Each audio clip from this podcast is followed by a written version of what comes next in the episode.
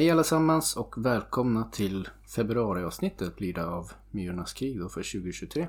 Här sitter jag som heter Björn och tillsammans med mig har jag Erik. Erik. Välkommen.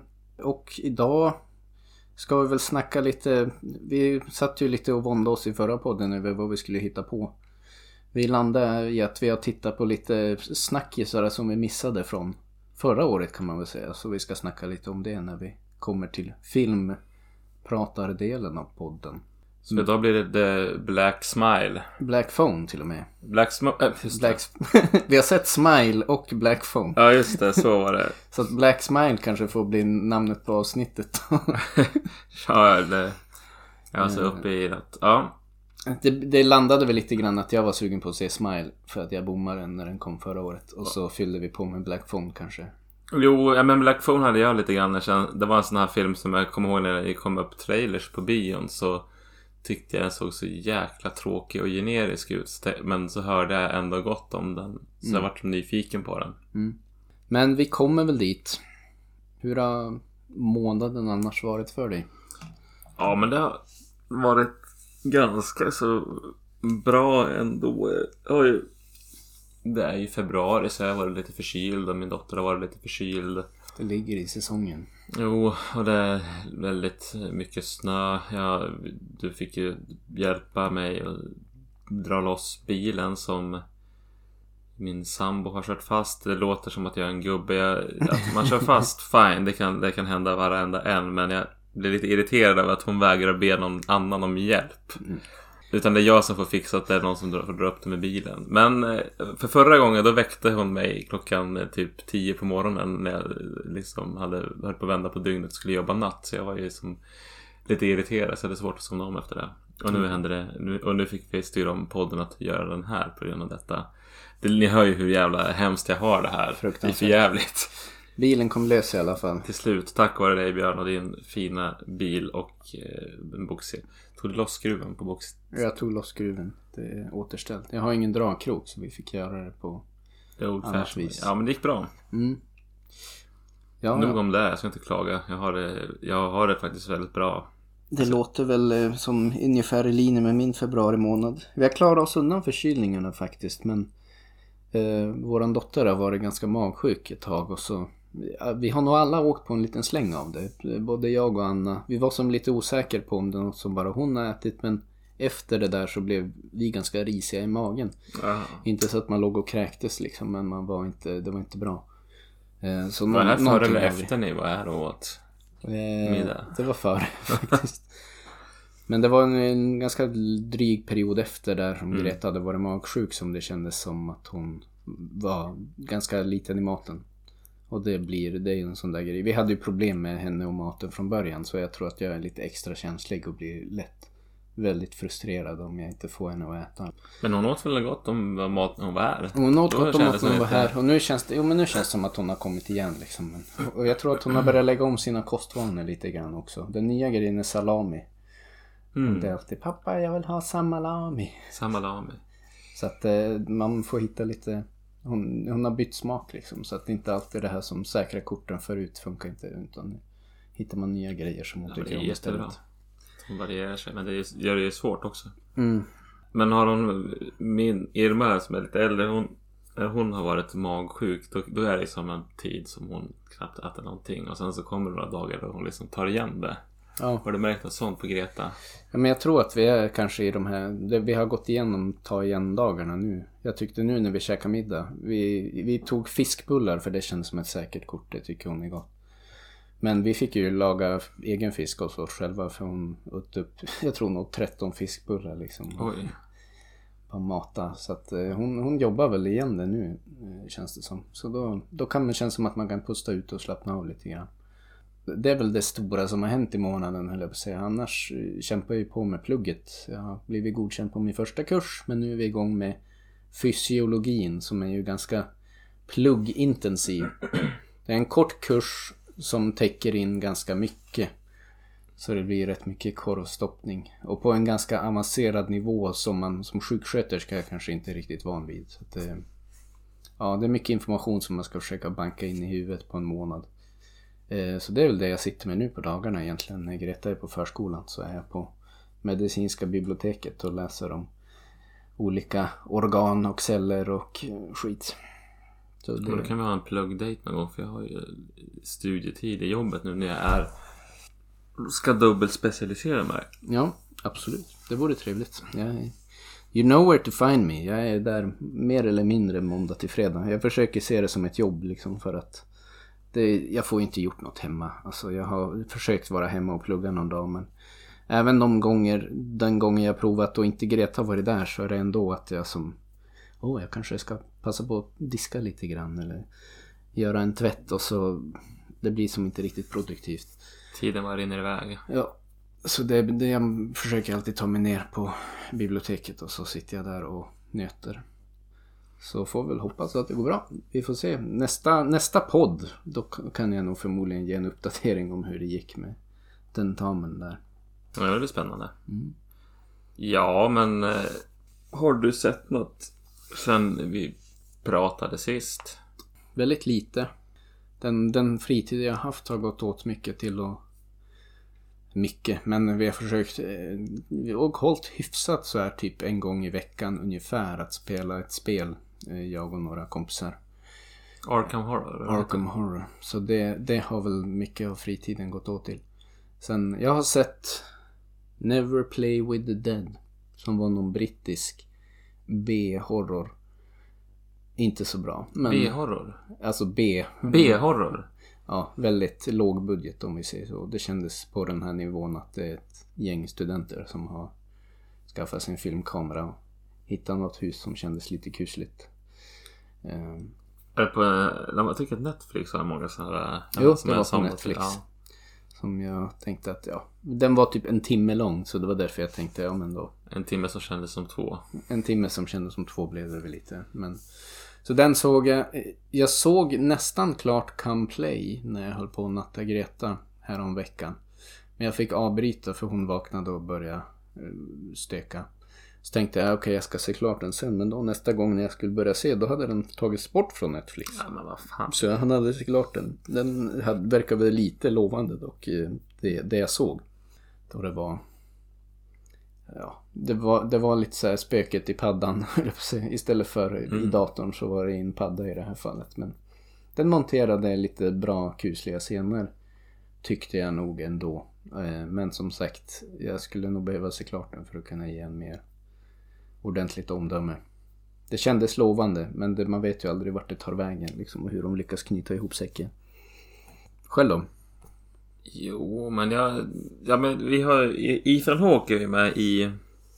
The Black, i The Black, Black, The Black Phone. Och eh, då tänkte jag så här, men honom har jag ändå stött på i en del skräckfilmer. Så då började jag spåna på, ska vi göra typ ett Ethan Hawke special efter det här avsnittet? Ish. Eh, så mm. är det så det går till ibland när, när jag försöker komma på vad vi ska se. Mm. Och så kollade jag det på IMDB och då var han inte så himla... Man hade, det är The Purge och The Sinister och sen någon till och någon till.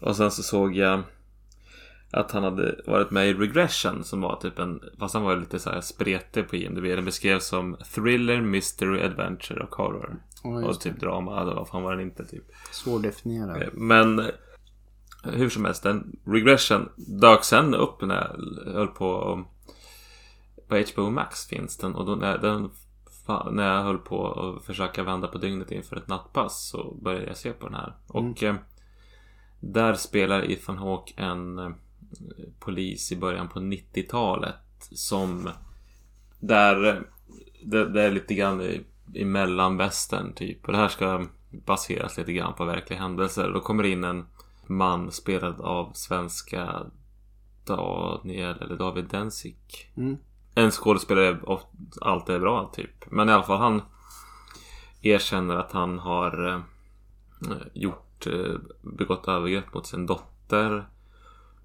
Och att det var som under rituella former. Och, men han kan liksom inte så här, riktigt namnge vem det är som har... Ja, det är fler inblandade i det här. Mm.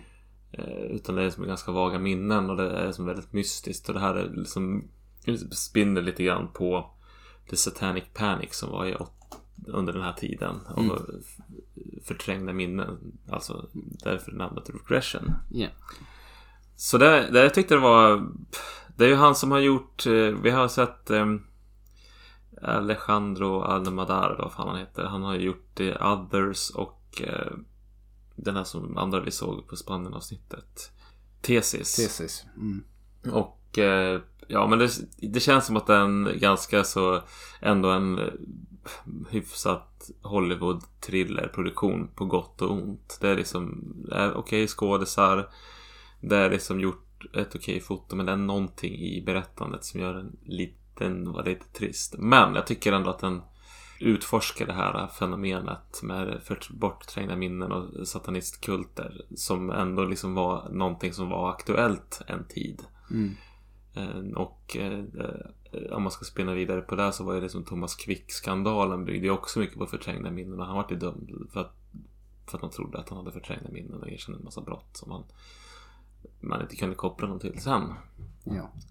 Att det liksom fanns en skola inom psykologin som var att man typ genom hypnos kunde nå minnen som man inte nådde till annars och då kunde man få Ja, och det var ju många sådana här förträngda minnen ja, med spädbarn som blir slaktade och offrade och sådär. Jo. Som en sorts masshysteri. Och det här handlar ju liksom om Ja, leker lite grann med den tanken och det blir lite, grann, lite läskigt mm. ändå.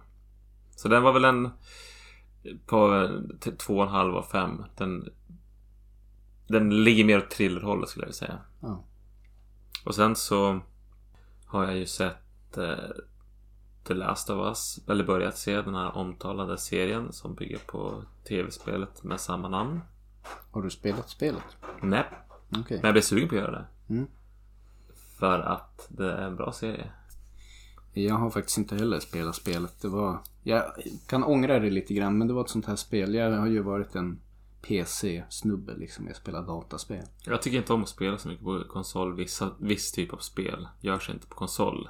Jag tror att det där hade varit okej okay på konsol. Men det var ju ett sånt spel som det kom exklusivt på konsol. Och det var typ först fyra år eller någonting senare som det släpptes på PC. Mm -hmm. Och då mhm. var det som att hypen hade dött lite grann. Men, men det, är många, det är ju mångas favoritspel liksom. Så att jag, jag tvivlar inte på att det är bra. Mm. Ja men det är en bra zombieapokalypsspel. Jag tycker om man ska gå tillbaka till serien så är har ju den jag tycker att det första avsnittet tyckte jag var väldigt bra. Andra avsnittet var väl okej. Okay. Och sen tredje avsnittet tror jag det är som är det omtalade avsnittet som lyfter den här apokalyps postapokalypsgenren till en helt ny nivå. Av olika skäl som jag inte tänker gå in på för jag tycker att man får se det. Mm. Ospoilat det var som en liten egen liten film i sig. Utan att säga för mycket. De som har spelat spelet vet kanske. Jag vet inte. Jag har, inte spelat, jag, jag har i och för sig ingen aning. Jag har fått för mig att den ändå följer spelet okay. relativt nära liksom i story sådär. Men jag gillar ju han, vad heter huvudrollen? Han är ju med, jag har ju tittat mycket på Narcos. Och Jaha. Han med. Eh, någon latinoamerikansk skådespelare som har ett namn. Någonting, eh, någonting. Men jag tycker han är ganska trevlig. Så, men jag har ju inte HBO så jag har inte riktigt tagit mig för det där. Jag försökte få dig att dela konto med mig men det, du nappade inte. Men det gör inget. Nej. Det löser sig. Det kanske kommer på Blu-ray eller så kan vi lösa det på något. Se tillsammans. Nåväl. Sen har jag, jag, jag, jag gjorde en jag vet inte om det här är oansvarigt föräldraskap men Eli, min bonusson, han hade studiedag idag. Och mm. Annika var på Flashback Forever igår. Och Eli ville ju vara uppe sent. Såklart. Såklart. Och då tänkte jag Ja men då, du får vara uppe sent men du måste se skräckfilm med mig sa jag. Mm. Och det, skräckfilm det vi såg besökarna. Jag tyckte det är en bra ingång. Den är på svenska, den är lagom läskig ändå. Mm. Han tyckte nog att den var, ja, det syntes inte så mycket på honom men, man, ja, men han ställde lite frågor så här. Ja men kommer det hända så här nu? Det ja. liksom blev väldigt spännande. Så ja. det var lagom läskigt tror jag. Han tyckte det var bra i varje fall. Så vi, ja, jag fick se lite skräck med honom och vi får väl se vad nästa skräckfilm blir om vi kan, om det blir någonting vi fortsätter med.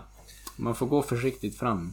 Jag pratade om det tidigt i våran poddande tror jag. Men jag, jag vart ju introducerad till Poltergeist när jag var för liten. Liksom. Och det var ett sånt där som det traumatiserade. traumatiserade mig lite. Som gjorde att jag höll mig ganska borta från skräckgenren ett tag efter det. Ja men det här tror jag var inte så farligt. Han, Men jag var ju helt skräckslagen när jag hade sett den här filmen. Jag var något år yngre i och för sig. Mm. Det är lite kul, det här, är- jag tycker det här känns lovande med Eli. Att han så här, redan nu kan han så här. Eh, ja, nu ska jag inte spoila filmen men han kan säga ja men om, nu, nu såg han det där. Ja men när han får dit frun då kommer det inte synas längre. Ja. Och så var det så. Att han kan, han, först, att han, han, eh, Han förstår dramaturgin. Nej men han kan berätta precis, han förstår B i filmen så här, nu kommer det här hända. Han, ofta är det så. Mm. Men eh, ja, det var kul och eh, jag fick blodad tand. Jag får väl se vad det blir nästa gång. För den här var jag sugen på att se jättelänge med honom och nu fick jag äntligen göra det. Kul. Så, nej men det, annars har jag inte jag har haft så mycket skräckfilmer på skärmen sen sist. Nej. Men vi kanske ska börja styra in oss mot huvudrätten då. Och prata om Smile till att börja med. Hello? This is First Line Security. May I have your name and the passcode? Uh, Rose Cotter, um, Acapulco. Ma'am, we've detected a door alarm. Yeah, uh, the the back door of my house is open. Are you alone in the house, ma'am? Yes. Are you sure? What? Are you sure you haven't let something inside, Rose? Första filmen då Smile från 2022 i regi av Parker Finn.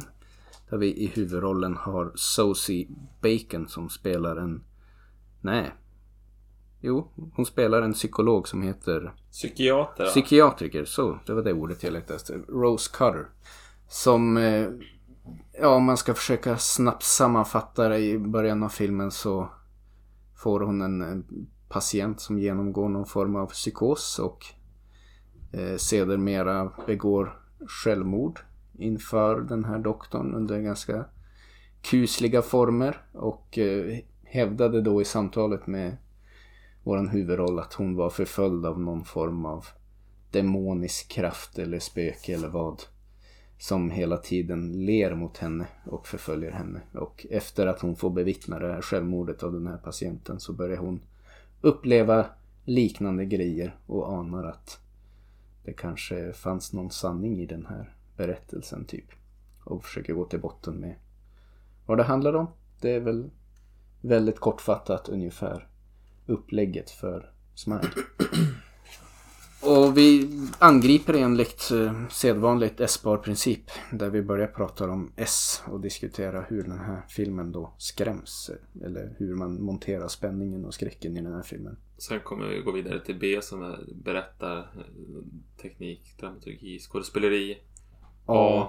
Det audiovisuella den snabbaste och R. Rekommendation. Så S då. S. Ja, det här är ju en skräckfilm som jag tycker den ändå monterar en del jumpscares på ett hyfsat habilt sätt. Ja, det, Mycket det cheap scares. precis. Det jag tyckte med den här filmen. Den monterar bra scares. Enskilda bra scares. Och det är inte liksom... Jag kan väl ändå tycka med facit i hand att det inte heller så här överdrivet mycket. En del sådana här filmer kan det bli liksom nästan lite tröttsamt att det skapar fram något monster bakom varje hörn. En stor missed opportunity med den här filmen det hade ju varit att montera lite mer subtil liksom stämningsbyggande skräck. När de har, de har ju den här liksom konceptet med att hon börjar se folk runt omkring henne som står och stirrar otäckt på henne och smilar liksom. Lite grann alla It Follows. Det kan vara vem som helst i hennes omgivning som eh, blir besatt eller på något sätt kanaliserar den här demoniska kraften eller vad det nu är. Men att de skulle ha haft mer av den varan i filmen istället för att det är liksom, de, det blir alltid så väldigt dramatiskt. Det hoppar fram någon och kameran zoomar in och de ler och bara Wah! och så ska man hoppa till.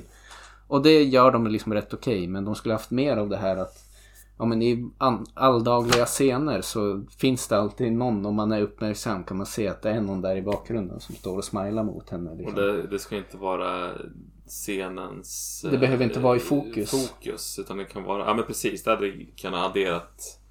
Det, det saknade jag. Jag trodde att det skulle få lite, lite, när man såg trailern fick man intrycket av att det skulle kunna vara lite så.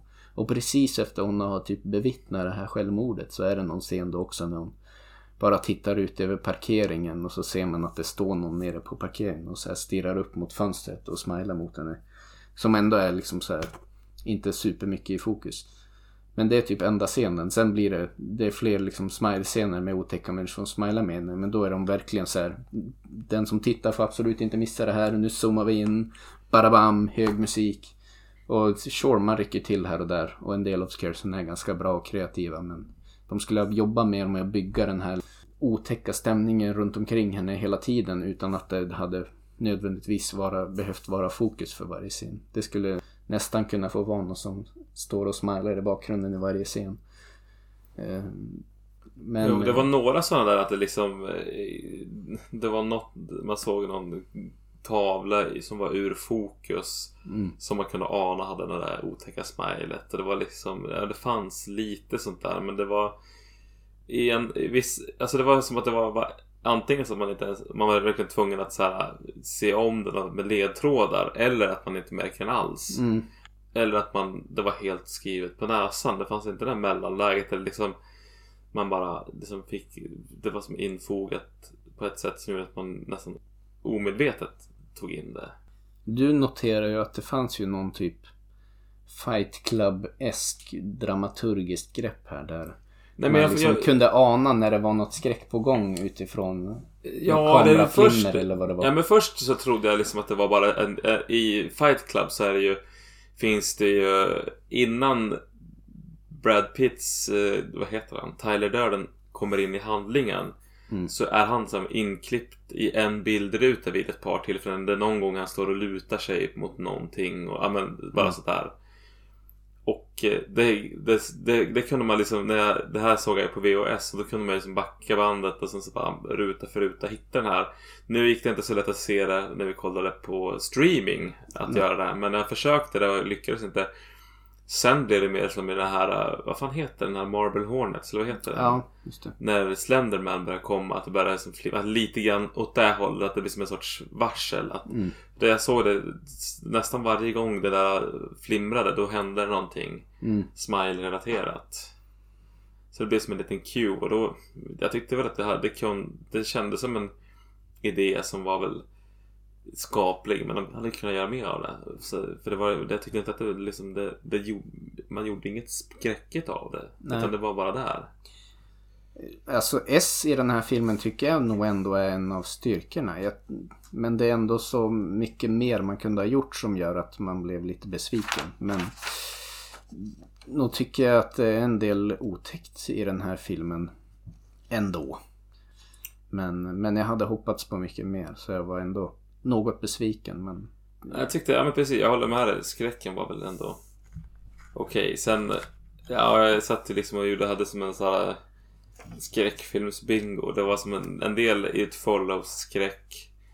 Det är till exempel en, ja förutom själva entiteten som påminner om ett follow så är det ju också någon scen där det är någon stor person som går in genom en dörr på ungefär samma sätt som det är i ett follow. Fast i ett follow så är det ju fortfarande lite mer effektivt. mm, man tyckte sig känna igen en del scener från Aterado som jag Jo, tror jag pratade om i någon det- podd också. Jo, den här... Den har blivit väldigt populärt. I flera filmer har jag sett när någon sitter i en bil och så kommer det någonting från sidan. Jag tror Mm. att det är både Aterado som jag såg det första gången men det har dykt upp i det är en Whistlebell Man tror jag och, och här då. Mm. Och den tyckte jag i och för sig att den... Jag visste att någonting skulle hända så det var, men det var, ja, det var ju ändå... Den grejen funkade även fast man på något sätt visste att det kommer någonting. Det är inte helt uttjatat än. Nej, men snart är det efter det här. Och sen, ja, det var ju, sen var det här i slutet också när med Alien 3 Ja. grejen. som, ja, då kände jag ja, men den här är ju som ett riktigt hopkok av referenser. Ja, det är lite greatest hits. Men serviceable ändå, tycker jag. Ja, ibland bra, ibland så suckar jag. Men eh, ja, S var väl ändå en, en hyfsat stark punkt i den här S-baren. B. Nu, oh, Maskineriet grusas. Om ja, jag, men, ja, vi är ju, alltså, jag tycker vi kanske ska... eh, vi för- färgas lite av våran yrke. Ja, precis. Vi, är ju, vi jobbar båda i vården. Och... Ja, det, alltså det, det här är ju som att det var verkligen... Fasen vad det inte funkade den här vårdmiljön och vårdskildringarna och hur vårdpersonal funkar. Nej, jag, man verkligen- blev så otroligt frustrerad när man som... Hon är, ska ju föreställa någon sorts ändå ganska omtyckt och omtalad psykiatriker. Och så, så fort liksom någon människa beter sig minsta lilla skumt så står hon helt handlingsförlamad och handfallen på ett sätt som man blev bara så sjukt frustrerad. Särskilt kanske den här öppningsscenen när hennes patient begår självmord. Det är inte så att det sker i ett ögonblick så här. Och jag menar att det kommer in suicidala människor till en akut psykiatrisk avdelning. Det händer ju liksom och man har ju en handlingsberedskap för att hantera sånt här. Och hon står bara där som något jävla fån medan den här kvinnan långsamt liksom plockar fram en kniv och långsamt drar upp den och långsamt börjar skära sig själv och hon bara står där helt handlingsförlamad. Eller Liksom. hon är ju inte helt handlingsförlamad. Hon ringer på en telefon. Bara, Ja. måste komma hit nu. Men det är så, här, så hon är ju inte helt förstenad av Mm. skräck. Utan hon är bara liksom... Alltså är, jag tycker att det känns som att... Och det här är inte första... Eller sista gången det händer i filmen. Men det känns som att... Det är ungefär som att i vissa scener när det ska hända något otäckt så finns det liksom inte någonting annat som kan hända. Nej. Eh, Man låter liksom och det blir, då blir det ganska oorganiskt och känns som att ja, men nu har vi monterat en scare och det är det enda de har gjort och här var det så. Och i många scener då, på, för att spinna vidare på det du sa, så är det som att statisterna så att säga reagerar inte. Det är någon scen där hon är på en fest och får syn på den här entiteten då och får panik och ramlar igenom något bord. Och så är det som att alla andra som är på den här festen hade liksom inte riktigt fått några instruktioner för hur de skulle reagera så att de liksom mest bara stod där och tittade på. Det blir lite så här som man såg i actionfilmen när hjälten ska slåss mot tio personer och så är det en som går fram i taget och så är det tio som står lite awkward där och så här väntar på sin tur att slåss. Lite så var feelingen med många av de karaktärer. Det är som att de vet att ja men här ska vi ha en miljö där det är mycket människor. Men de har glömt att ge några instruktioner till alla utom huvudkaraktären liksom vad hon ska göra. Så Ja, man de lite grann står bara där och skruvar på sig. Det är som att man i, i, i manusarbetet här eh, och när man har storyboardat den här så har man liksom bara sett en bild. Det här det ska vara människor och sen så ska det här hända. Men man har inte tänkt hur, ska en, en, hur fun- funkar en skara människor? Mm. Blir de skräckslagna och springer därifrån? Eller vad, vad, de, gör, de gör precis ingenting. Och det de framförallt inte har tänkt på då som kanske blir personligt störande för oss det är ju hur, hur skulle vårdpersonal reagera i liknande situationer som karaktärerna och folk runt omkring henne ställs inför i det här med de är som så orimliga. Och särskilt då vårdpersonal som jobbar på en akutpsykiatrisk mottagning som är liksom tränade att att hantera människor som har det blir ju det är liksom Även om det nu antyds att det är en riktig demon så manifestationen eller vad de, hon möter inom psykiatrin tolkar det här som är ju ändå att det är någon typ av psykossjukdom.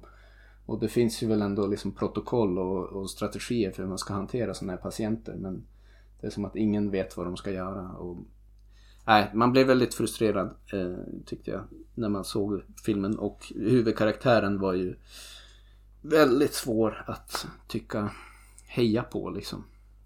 Ja, Det det var- var... var väldigt blek och eh, utan karisma. Ja, och särskilt då som man presenterar henne som en som en duktig liksom psykiatriker så känns det som att hon borde kunna ha lite mer bättre idéer för så när hon börjar själv också från början tror hon ju själv att hon håller på att bli sjunka in i någon typ av psykossjukdom att ja men det, du är liksom proffset här du måste kunna ha någon bättre idé än att bara irra runt som en galning typ men ja nej det ja, dåligt. Det, det var lite så här, det är som att de har, som jag tycker i och för sig man ser i fler filmer, men det är som att de har utgått ifrån de här som vi nämnde i S1 hyfsat välmonterade skräckscenerna. Det är liksom idén de har haft från början. Och sen har de försökt skriva ett manus runt omkring att vi ska ta oss till de här olika set piece scare-scenerna. Men man har inte tänkt på göra research, så mycket research, utan giss, killgissa lite grann. Ja, Eh, och eh, ja, nej, det B är ju ett stort jävla bottennapp. ja. Nej men sen så fattar jag inte varför hon är ihop med sin kille liksom. Och de verkar inte ha något bra förhållande. Det går som sådär från ganska snabbt utför där. som man undrar vad fan är de ihop för om de inte står pall för mer än det här liksom. Mm. Och så håller ju hon på att vältra sig i självömkan också på ett sätt som jag blir jävligt irriterad på som vårdpersonal. Där det är så här, okej en av dina patienter eh, begick ett självmord. Det är ju väldigt traumatiskt och jobbigt.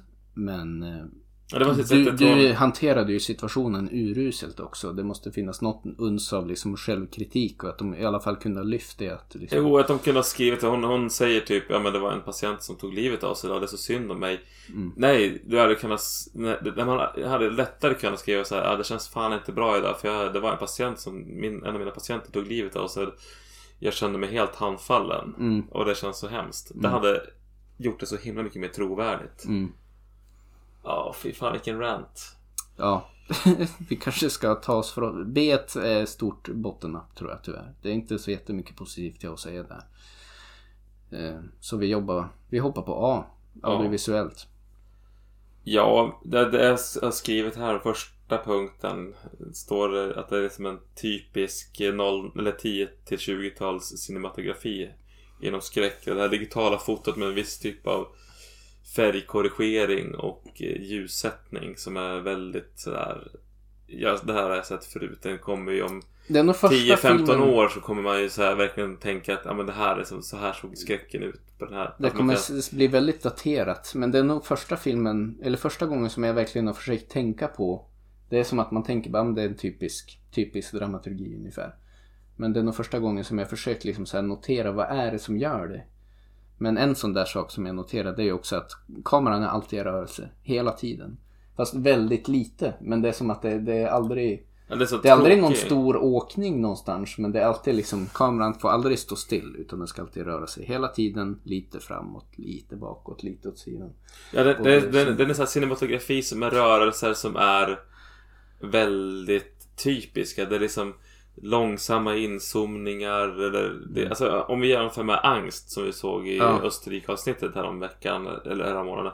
Där var ju, och, alltså, det var ju också samma sak. Kameran var alltid i rörelse men där liksom användes ju kameran för att stressa upp en. Mm. Här gör man det bara för att ja, men visst, man kan inte ha Man en ska still, göra så. Man ska inte ha en stillastående kamera, känns det. Ja. Och något som vi rantar på också men som känns väldigt typiskt det är också att alla miljöer är alltid så stylade. Det är liksom varenda hem och varenda miljö. Det är som att, eh, som att man har stylat huset för försäljning liksom.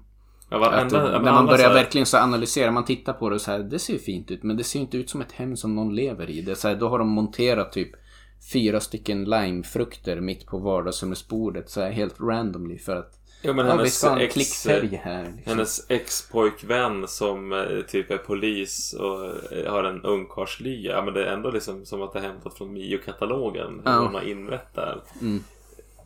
Ja, det är liksom det enda som ser lite ruffigt ut. Det är ju det här ödehuset som hon är uppvuxen i. Som man får Men det, Visst, då är det som men, att men det är också stylat på Ja. ett, på ett så här, det här är typ gotisk stylat. Mm. Det var också så här, det här ser man att, ja, att de har tänkt till och lagt till rätta. Och det, det är nog inte typiskt för den här filmen. Det känns väldigt typiskt för mycket filmer tycker Ja. jag att titta på. Men det, jag tänkte verkligen på det den här filmen och ju mer jag tänkte på det desto mer irriterad är det. Det är som att ingen hemmiljö känns som ett hus där någon riktig människa faktiskt bor. Utan allting ser ut som att, ja men som du sa, det är antingen så här Mio-katalogen eller så här att de har stylat alla rummen för att de ska ha visning inför att sälja huset ungefär. Det, det ser inte ut som att någon riktig människa bor där. Och även när de var på sjukhuset liksom. På, Pastellfärgad psykmottagning Ja. liksom. Rosa. Nej men det var, och vilka fina rum. mm, Jag kommer ihåg när jag jobbade, jag jobbade på psykiatrin en gång i tiden när jag gjorde min allmäntjänstgöring som man gör. Eller det finns väl inte längre men för att man ska få legitimationen så ja, men då måste man vara på psyk och jobba ett tag. Och då hade jag som då var jag på en, mot, en mottagning där jag liksom, mitt mottagningsrum var ju typ som ett litet gammalt litet såhär, ja men eh, fönsterlöst pappersförråd som de hade satt in en fåtölj i och ett bord och en plastblomma typ. ja, Och min kontorsstol. Så det var ju som den, de upplevelserna jag har och de, den psykiatri jag har sett har det typ alltid varit typ den stilen. Sen så finns det väl undantag men det är inte riktigt som i den här filmen. Det jag har sett och särskilt inte det. Dessutom så hennes vänner som så här raljerar över att hon så här, tar jobb på det här community hospital. mm, Knappast att det ser så jävla fräscht ut. Jag tänkte så här, det här är ju typ försäkringsfinansierat lyxsjukhus. Ja, Liksom. exakt. Fast i, i filmen så är det motsatsen och då, då ska det nog fan vara jävligt mycket ruffigare. Ja. Man ska nästan kunna här, känna tobakslukten genom TVn. Så Mm. ska det se ut. Det lyckas de definitivt inte med. Nej, nej. Och det är nog tyvärr ganska vanligt förekommande. Men som sagt, nog de första gången som jag verkligen satt mig och försökt tänka på vad är det, vad är det som stör mig. Liksom. Annars, det här, det här är så typiskt nu för tiden att man många gånger nästan inte ens tänker på det. Ja. Men, eh, så är det i alla fall. Och eh, det kan man väl tycka vad man vill om. Jag, jag vet inte om jag vill ge den super... Alltså, jag tycker inte att det är så bra. Men jag tror inte att det stör så mycket. Alltså man är så van vid det här på ett sätt så att... Ja, det var lite en axelryckning på det audiovisuella skulle jag väl egentligen säga. Jo, den säger, ja men det, var, det är ingenting speciellt. Sen Mm. är det som att jag tror att, att, jag tror att vi skulle få stora svårigheter att se ett hu- sjukhus Göra ett sjukhuspoddavsnitt Ja, Men det här skulle jag bli förbaskad på Jag såg ju Om man nu ska prata psykiatrimiljöer så såg jag ju Unsane för ett tag sedan Eller för något år sedan Och den kunde jag väl köpa mer ändå Den handlar ju om en, en som blir tvångsintagen på en psykiatrisk klinik Och man får följa liksom Och den tyckte jag, den var ju ruggig på, på ett visserligen på ett annat sätt Men den Mm. En rekommendation hur känner vi kring den här filmen? Och Som ett R, om man ska sammanfatta det Bra jump scares I guess har jag skrivit på R när jag Jo. tog anteckningar. Det var liksom... Jag har ju ändå så här suktat lite efter, jag tycker länge i den här podden att det var som... Jag tjatade om det i något avsnitt. Det var länge sedan vi såg en film som var riktigt läskig.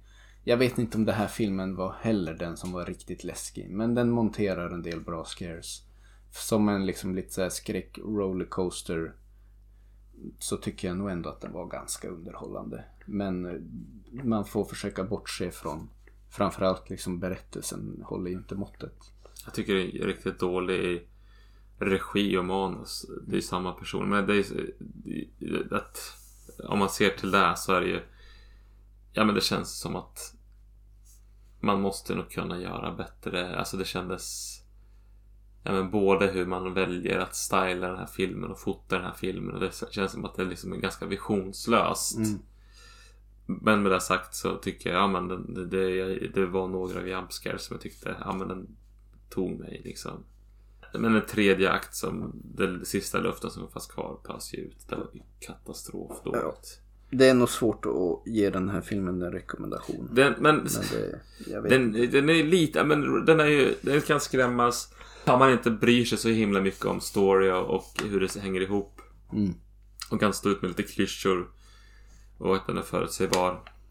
Så Och- funkar den. Det är ju som en... Man tar, kombinerar ett follows med The Ring, Det är lite greatest hits som sagt. Greatest Hits. Men det är väl de två filmerna som kommer först. Men då skulle jag hellre säga Se om It Follows och The Ring. Absolut. Och såklart, jobbar man inte inom vårdyrket då kanske man inte heller stör sig lika fruktansvärt mycket som vi gjorde på aspekter av den här filmen. Då är, så är det väl säkert med mycket som vi ser också där det liksom berör branscher som man är sämre insatt i. Då är man så bara, ja men det är väl säkert sådär. Eh, och så Se alla snutfilmer. Ja, precis. Som, Då sitter alla, visst- alla poliser och bara hur så jävla dåligt, så orealistiskt. Så. Ehm, ja. Det, jag vet inte vad vi kom fram till. En vag rekommendation kanske? Ja, en men jag, jag skulle... Jag tycker. Nej men jag tycker att det här är ju... Det finns mycket filmer man hellre skulle kunna se istället. Ja, var- I samma liksom... Den är inte värd hypen om man säger. Men den är ju också... Den är ju, ju, är ju smart marknadsför. Jag tror att det är kanske en av anledningarna till att den här filmen blev gjord av en så dålig regissör är att regissören kom med det som han kom på. Det här kan vi nog sälja. Mm. De gjorde trailern innan de hade en film typ. Ja, men typ. Att, och det här att folk står i bakgrunden på fotbollsmatcher i USA. eh, Anlitade skådisar som har gjort... Ja, men som står i publikhavet och bara har ett smile mot en kamera. Typ. Ja. Det är ju ändå... Jag tycker att det är ett skojigt grepp, men nej. Nej. Vi, vi nöjer oss så och jobbar oss vidare mot den svarta telefonen.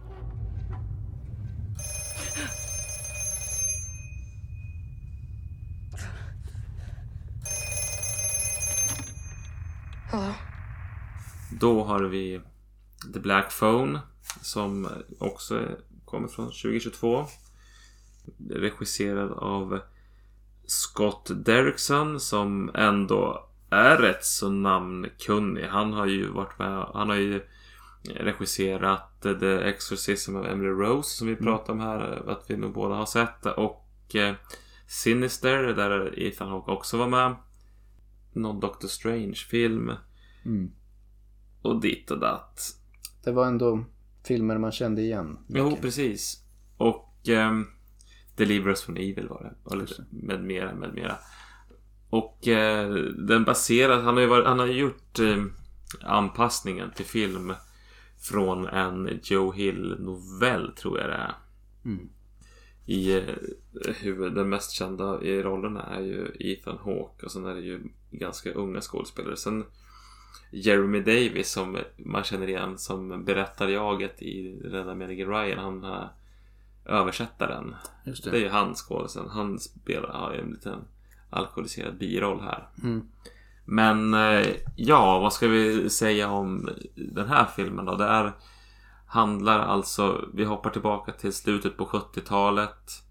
Det är lite grann den här eh, råttan i pizzan historien om en van som åker omkring och snappar upp små barn. Det är många barn som försvinner i den här stan. Mm. Och eh, Ja, vad hette den? The Grabber, eller vad kallades han? Ja, den hette nog Visst var Grab, det The så? Grabber. Ja. De fick sina coola smeknamn alla brottslingar på den tiden. Precis, The Grabber kallas han och det är unga pojkar som försvinner i den här... Det är i Denver någonstans. Mm. Vi får följa den här tonåringen som jag glömt namnet på. En tonårig pojke som blir det nästa offret för den här The Grabber. Och han blir inlåst i en källare och på väggen där finns det en svart telefon som inte är kopplad till linan, eller vad man ska säga. Den är unplugged. Men börjar ringa ändå. Ja. Och eh, i telefonen så hör man andarnas röster från de tidigare offren. Precis. Det här är ingen jättespoiler. Det framgår ganska tydligt direkt av trailern bara man Ja. ser den. Så det... Det, det är base, the basic gist of the movie. liksom. Ja. Ja men ska vi ta och göra en S-bar här då? Vad säger du om S? Skräcken, spänningen? Inte så mycket skräck i den här filmen tycker jag väl. Den monterar ju lite stämning. Ehm, Den är nagelbitare. Det är liksom, det är, vissa gånger det är liksom tidspress och man väldigt så här, hur ska han ta sig härifrån? Kommer han klara det? När han försöker smita. Mm. Och sen har man ju det här med de här döda barnen som ändå figurerar på ett sätt som är lite kusligt. lite kusligt. Samtidigt är ju de som något sorts stöd till honom i den här situationen. Ja men precis. Så att eh, de, de är ju schyssta spöken liksom. Så att man blir inte, jag sitter ju inte och är rädd så ofta i den här filmen. Men, Nej. eh, men som du säger, lite nagelbitare här och där när han ska försöka ta sig därifrån. Och den monterar väl lite, lite kuslig stämning. Jo, för det är ju en seriemördare som vill komma undan. Så det är väl också ett, ett hot, skräck. Det, sen är det ju innan, framförallt i början på filmen, när man liksom... Det, den har ju en, en start där man introducerar olika karaktärer. Och det är nog ganska rejält brutala slagsmål som gör ont. Alltså det, Ja. det, jag måste säga en eloge till hur de har lyckats med det. Det ser jävligt smärtsamt ut när de slåss. Det här var kanske det värsta exemplet. Men det är inte helt ovanligt. För det, är- ju skolbarn vi följer här. Och liksom när folk blir mobbade och slagna i filmer. Det är så jävla brutalt. I många filmer. Och det här var ett ganska extremt exempel. Ja, när, när det är att någon ska få stryk efter skolan. Då är det inte så här att det är någon bully som står och puttar han. Utan det är verkligen slå ner han på marken och, och banka huvudet i asfalten. Liksom. Det, de är inte lugn.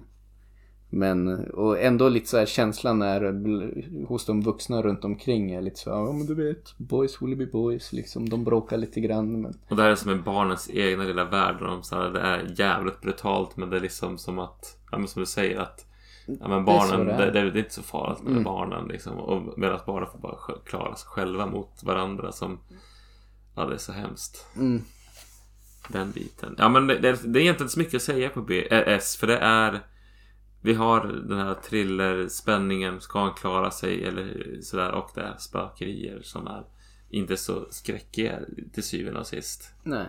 B.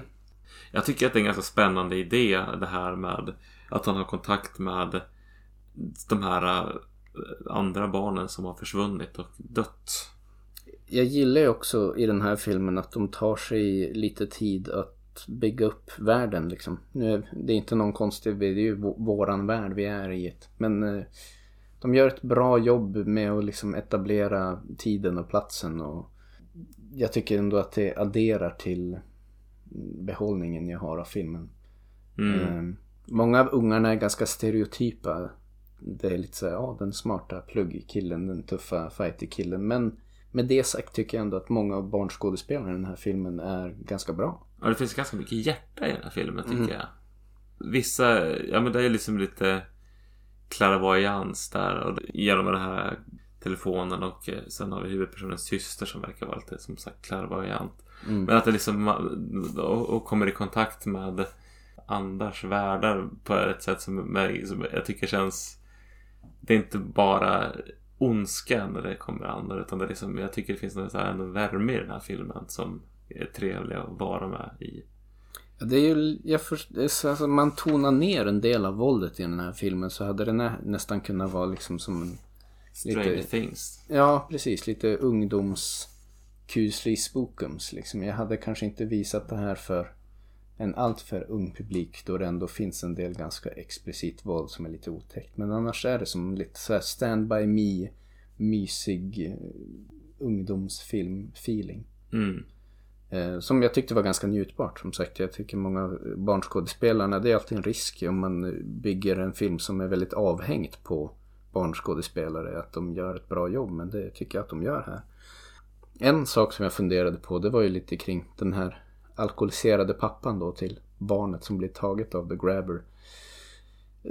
De gav väl han lite hjärta mot slutet men det var ju en bra bit i filmen där som jag tänkte lite grann på det här att eh, det skulle vara intressant att få perspektivet av någon som har växt upp i en sån här miljö. För ofta i film så är det som att det skildras lite som att han är bara full och elak.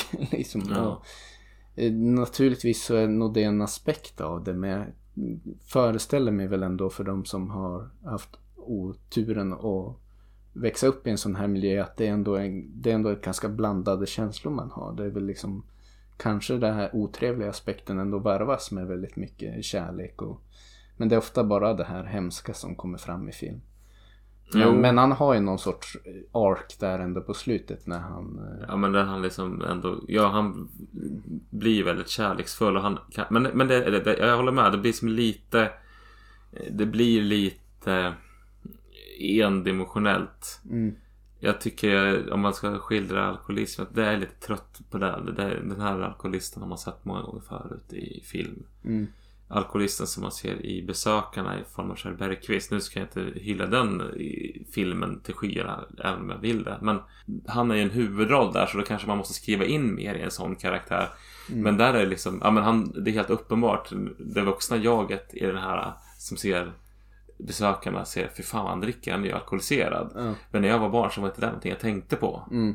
Och det säger någonting om hur man har skildrat det men, men hade jag som barn sett den här alkoholisten som är i, i The Black Phone så hade jag sagt ja men det är vilken fullgubbe. Mm.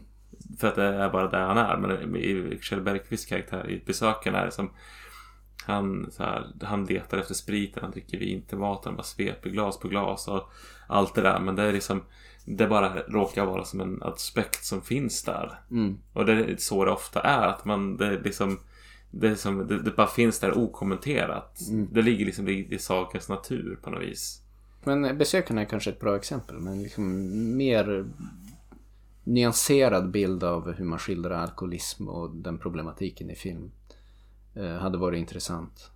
Men ja, de, de försöker väl göra någonting lite mer på slutet med hur pappan ändå visar lite mer av sin kärleksfulla sida. Men dessförinnan så är det som bara att ja, han är full och elak jämt. Men liksom, han har ju ändå ett hus och ett jobb och han tar ju ändå någonstans hand om de här barnen.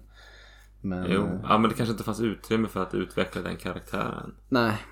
Det, ja, det, ja, nu kanske jag är förlåtande men den var lite endimensionell. Det kanske, men det, han hade inte så himla mycket tid att göra så mycket av sig, den karaktären. Mm. Men eh, sammantaget tycker jag väl ändå att B är en av styrkorna i den här filmen. Jag tycker det är en mysig, lite nostalgisk miljö att vistas i. Och man tar sig tid och, och bygga upp liksom miljöerna och karaktärerna. Och det är inte bara pang på rödbetan som i den förra filmen vi såg. Ja men precis innan, innan det, han blev tillfångatagen så vistas vi i den här världen ganska länge. Sen så har vi inte nämnt Ethan Hawke särskilt mycket men jag tycker han gör ju sin seriemördare riktigt bra. Absolut. Han, han, han gör någonting med, han använder rösten på ett bra sätt. Han är ganska mycket bakom en mask men han liksom en, gör en väldigt bräcklig psykotisk eh, mördare. Jag tyckte den var spännande, kul att se. Kanske, en del kanske tyckte det var överdrivet men jag tyckte om att se honom. Ja, ja, men jag tycker han ger ett väldigt obehagligt intryck och man får den här känslan av en person som i många scener liksom ändå försöker ha en ganska snäll och trevlig framtoning men man känner hela tiden att det när som helst kan brisera och att det, fin- det finns, det gömmer sig ett eh, fruktansvärt våldskapital bakom den här eh, i, tidvis lite snälla fasaden ungefär. Ehm, men absolut, den, han gör det bra. Och det är ju också viktig, en viktig ingrediens i en sån här film. Där det ändå är han som utgör den stora skräcken, eller om man nu ska säga så. Jo, han är så lite oberäknelig och otillräknelig. Som på ett bra sätt som adderar. Ja. Oj, jag har bara kommit till A. Shit, så är det. Mm. Det audiovisuella. Jo, jag ska se vad jag skrivit där. Jag tycker om vi nu ska återkoppla till det vi pratade lite om i förra filmen så är det ju bättre stylat här då. Det är väl säkert eh, ganska en del stylade miljöer här också men det känns det känns mer realistiskt. Liksom de här hemmen som barnen vistas i när, innan han blir tillfångatagen känns ändå som riktiga hem som är liksom levda i. Det är lite det är stökigt stökigt på och riktigt. Och skräp. skräpigt överallt och utemiljöerna också. Liksom det, det är fint och lite nostalgiskt men det är också vet, du, rostiga stängsel och skitigt och osopade gator. Och, eh, det är liksom mycket är väl gjort väldigt intentional men, men jag tycker ändå att man har gjort ett bra jobb med det och ja, det var bra egentligen. Jo, sen fotot var väl lite roligare här. Var inte lika... Det var några snygga åkningar vill jag minnas. Och sen utspelar sig en, en signifikant portion av filmen i ett källarrum. Med ett litet fönster. Och jag tycker ändå att eh, jag blev aldrig egentligen uttråkad så. Man jobbar ganska bra med den ganska begränsade miljön också. Så jag vet inte om jag har så mycket att klaga på. Ja, den, var, den, lyckades skapa en atmosfär med det audiovisuella. Sen har jag inte så mycket att säga. Ja, det kanske, Jag kanske just inget att det är jätte- så pass eh, ändå habilt gjort så är det inget mästerverk kanske. Men det, jag tycker att det är som verkligen att Det är ingenting som jag tittar och tänker wow vad häftigt. Det där var verkligen coolt. Men det är heller ingenting som jag störde mig på. Jag tyckte att det, det funkar liksom. det uppfyller sitt syfte. Mm. Ja, men då kommer vi till den sammanfattande punkten R. Är det här något ni skulle rekommendera? Ja. Men kanske inte som en skräckfilm. Alltså det kändes lite... Det är lite thriller, det är lite äventyr, det är lite 70-80-tals nostalgimys liksom. Ja, men ska man kategorisera den här så är det som snarare en, en eh, övernaturlig thriller. Mm. Så är man, är man ute efter en rekommendation av en bra skräckfilm att se så är väl kanske mer tveksam. Men jag tycker nog ändå att det var en ganska bra film. Jo, med lite skräckelement. Ja. Den eh, är, jag tyckte den var, men det kändes som att den var liten, hade ändå någon, lite nya idéer och hade som ändå eh, om man ska jämföra med Smile så här kändes det som att den här hade, var mer idérik men den skräms inte lika mycket. Nej. Och um, ja, liksom manusarbetet och rent hur man bygger upp karaktärer och så vidare är ju milsvida skillnad mellan Smile och den här. Att eh, de flesta karaktärer kändes ganska genomarbetade och den här killen som man fick följa var ändå en som jag tyckte om att heja på och hoppades på. Eh, ja, det, det är en bra film Sen är det väl arguably då kanske den är skräck-adjacent mer än det är en sk- faktisk skräckfilm. Men eh, Definitivt en Myrornas krig dock. Ja, Även om den, den- inte är... Jag, jag hoppade inte ur... Det var en, en nästan jump scare. Det var typ det som var, om man ska vara klyschigt, skräckig. Det var lite övernaturligt. Det var lite seriemördare. Men det var som... Den ville ju inte skrämma skiten ur utan det var liksom, den var mer intresserad av att berätta en kuslig berättelse. Och det gör den bra. berättelse. Och jag menar, är det det man är sugen på? Ibland vill man ju inte skrämma skiten ur sig själv heller. Utan vill man ha en liten mys, en liten mysrysare. Så tycker jag väl absolut egentligen att det här är en rekommendation. Det, är väl, det är väl där jag ändå landar. Det, jag rekommenderar den som film betraktad. Men man får väl vara beredd då på att man kommer inte... Är man skräckfilmsnörd och vill liksom bli riktigt rädd då är det kanske fel film att välja. Nåja, ja men eh, då knövlar jag ihop mina anteckningar och slänger dem till Ja, det var det. Det var det, jag höll på att säga, det var det, det vi hade missat under 2022. Är det något mer Ja, det är ganska- som vi borde ha Jag sett? tror det var ganska bra eh, 2022 år ändå. Mm. Men eh, Jag måste ju säga att jag är väldigt besviken på Smile. Det var ju lite grann jag som drev på där. Jag såg trailern och, och fick lite It Follows-vibbar och tänkte att det här skulle kunna vara riktigt otäckt och bra men det var ju lite av ett bottennapp, tyvärr. ja, jag saknade nerven som är i ditt follows. Ja. Så det är väl fortfarande det jag lite suktar efter. Liksom en jävligt otäck film. Eh, i, den, I den ådran liksom av demoner och övernaturligt jox. Liksom, men som bara är riktigt otäck och obehaglig. En sån film väntar jag fortfarande på. Jag trodde att Smile skulle kunna vara den filmen men det var det tyvärr inte. Och det var väl liksom ändå, förutom Halloween då som vi såg och pratade om förra året så var det väl den här Black Phone och Smile som dök upp mycket på radarn. Så tillvida att det var snack omkring det och man svårt att undgå liksom trailerna. Försöker komma på om det var något mer. Inget som jag kan komma på just nu. Nej, jag var fan jag dålig på att gå. Men jag, vi får väl se, det kanske dyker upp en bra... Vi får väl göra det här till ett bättre bioår. Ja. Eller så att vi håller oss lite i... Och om inte annat om det är någon som lyssnar som har någon rekommendation att jo men den här film som kom förra året den får ni bara inte missa så. Krigmyrornas snabel gmail.com Skriv dit eller på, till Facebook eller till oss på mm, Myrornas, fan heter det, krigpodd på Instagram. Vi finns lite här och där. Ja. Så kan du skriva till oss så blir vi glada. Det blir vi verkligen. Eh, Några bra tips. Ja, faktiskt. Ja, men det känns som att vi inte har varit... Vi, vi har inte sorterat... Eller vi har inte varit så bra konsumentupplysning på ny film eh, förra året. Men vi brukar ju dyka ner i olika... Incantation såg vi. Nej, vad hette den? Jo, den såg vi. Mm. Den var väl från 22. Mm. Var lite hypad. Ja, men eh, vad ska vi dyka in nästa månad då? Har du hunnit tänka så långt? Det är som att man tar bara... Man har inte siktet inställt längre än på att överleva nästa vecka. Är liksom- Ja, vad fan ska vi ta? Det någonting som vi kan dra ur arslet här?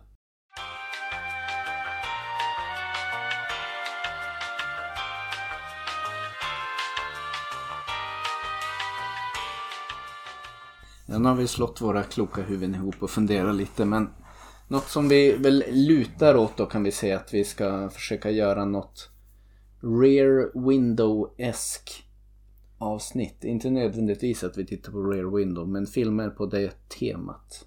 Ja men eh, The Watch... Nej, inte The Watcher utan Watcher var väl det som, som ska vara lite åt det här hållet. Men någonting åt det här. Alltså att det är någon som...